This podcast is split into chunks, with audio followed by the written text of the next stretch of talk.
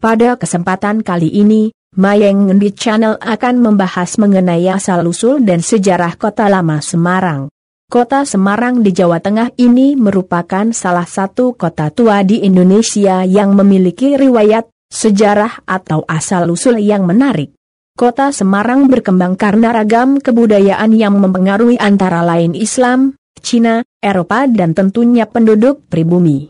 Keempat budaya itu berbaur menjadi satu dan meninggalkan pengaruh yang penting bagi kehidupan kota Semarang. Asal-usul kota Semarang Awalnya pada saat itu di Jawa Tengah berdirilah Kerajaan Demak yang merupakan salah satu kerajaan yang bercorak Islam.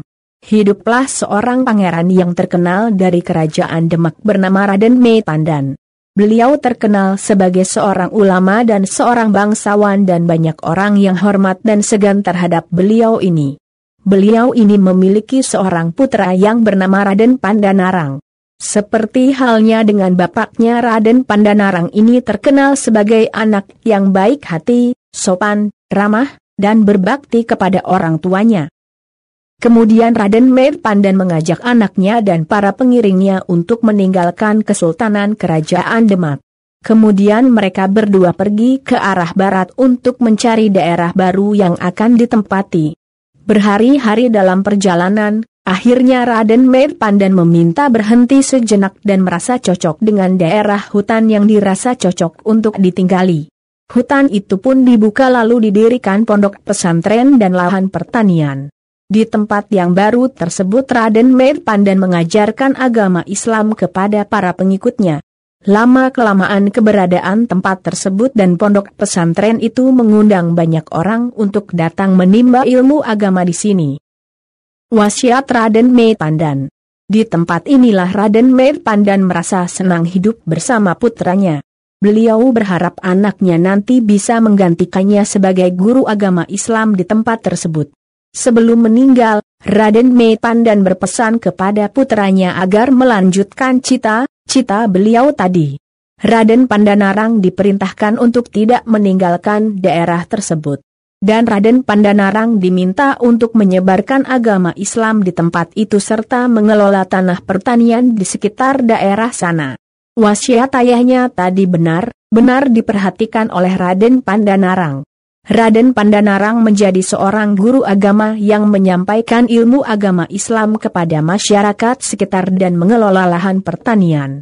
Dari hasil pertanian didapatkan hasil panen bahan pangan yang melimpah dan dengan relatif singkat banyak orang datang untuk belajar ilmu agama Islam. Pemberian nama asal-usul kota Semarang pada suatu hari Raden Pandanarang sedang menggarap lahan pertanian bersama para pengikutnya. Namun tiba-tiba terjadi sesuatu yang aneh. Di antara pohon yang hijau subur tersebut terdapat beberapa pohon asam yang tumbuh saling berjauhan. Orang-orang yang melihat hal itu juga merasa heran, mengapa di tanah yang subur tersebut tumbuh pohon asam yang saling berjauhan.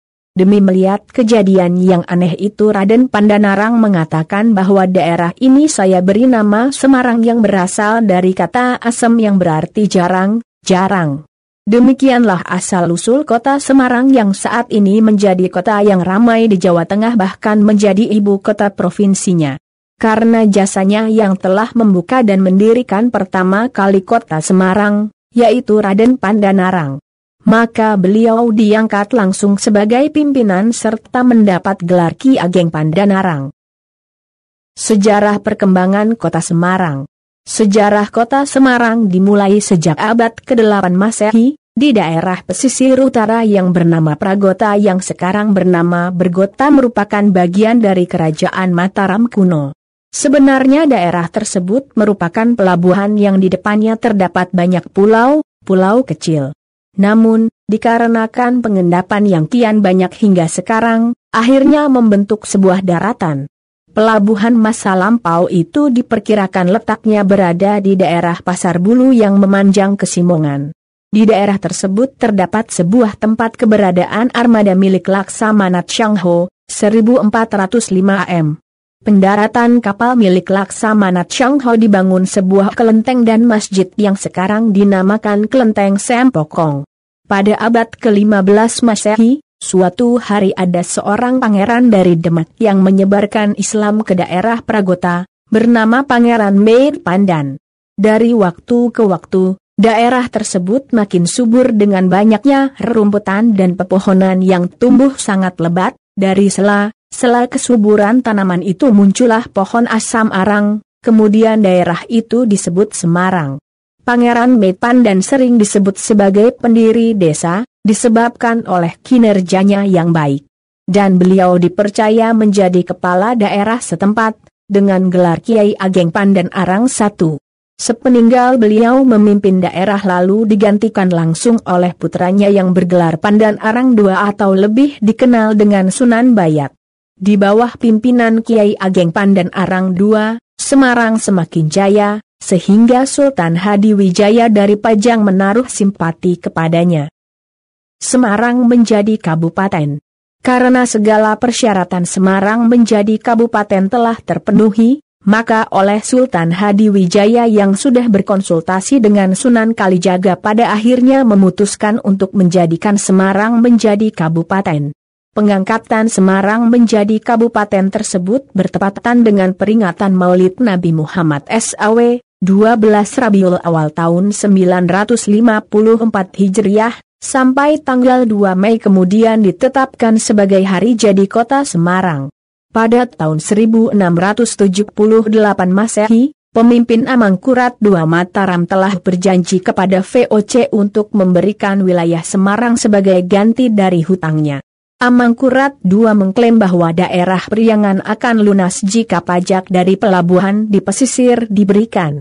Sampai pada tahun 1705 Masehi, Susuhunan Pakubuwono I menyerahkan Semarang kepada VOC atas jasanya membantu merebut Kartasura. Sejak itulah Semarang telah resmi menjadi milik VOC yang telah dipimpin oleh pemerintah Hindia Belanda. Standblad nomor 120 tahun 1906 Belanda membentuk pemerintahan Gemeente atau Kota Madia, di mana pemerintahan kota Semarang yang dikepalai oleh seorang burgeme atau wali kota. Sistem pemerintahan Belanda ini hanya berlangsung singkat, kemudian pada tahun 1942 pemerintahan penjajahan Jepang datang. Pada era pemerintahan Jepang, Semarang dikepalai oleh militer atau Shicho dari Jepang. Dan didampingi oleh dua orang wakil atau Fuku Shicho, yaitu dari Jepang dan bangsa Indonesia. Akan tetapi, pemerintahan itu tetap tidak juga berlangsung lama. Setelah kemerdekaan pada tanggal 15-20 Oktober 1945 terjadilah peristiwa pemuda-pemuda Semarang bertempur melawan bala tentara Jepang yang disebut pertempuran lima hari di Semarang. Penyerahan kota Semarang kepada Belanda. Sampai pada tahun 1946, Inggris atas nama sekutu menyerahkan kota Semarang kepada pihak pemerintah Belanda. Belanda dengan tipu muslihatnya menangkap MR Imam Sujahri, wali kota Semarang pada saat itu, tepatnya tanggal 3 Juni 1946 sebelum proklamasi kemerdekaan Indonesia. Namun semangat para pejuang Semarang di bidang pemerintahan masih tetap menjalankan pemerintahan dengan baik sampai pada Desember 1948. Daerah pengungsian para pejuang Semarang berpindah, pindah, mulai dari kota Grobogan, Purwodadi, Gubuk, Tegowanu, Kedung Jati, Salatiga, dan akhirnya menetap di Yogyakarta. Raden Patah, Mr. Iksan, dan R. Prawoto Sudibyo adalah salah satu pimpinan yang masih menjalankan pemerintahan dengan baik, sampai Belanda membuat tercomba atau negara Jawa Timur yang bertujuan membentuk kembali pemerintahan Gemeente atau Kota Madia seperti pada masa kolonial dulu yang dipimpin oleh R. Slamet Tirto Subroto. Tetapi hal itu sia-sia dan tidak membuahkan hasil yang berarti karena dalam masa pemulihan kedaulatan harus menyerahkan kepada Komandan KMKB Semarang pada bulan Februari 1950. Sampai pada tanggal 1 April 1950, Komandan KMKB, Mayor Suhardi menyerahkan kepemimpinan pemerintahan Semarang kepada MR Kusudibiono. Kemudian dia menyusun kembali aparatur pemerintahan untuk semakin memperlancar jalannya pemerintahan kota Semarang. Bagi Anda yang ingin lebih bereksplorasi dan mengunjungi langsung tempat bersejarah di kota Semarang bersama komunitas maupun instansi Anda, Anda bisa menggunakan jasa sewa bis Semarang untuk menemani perjalanan Anda.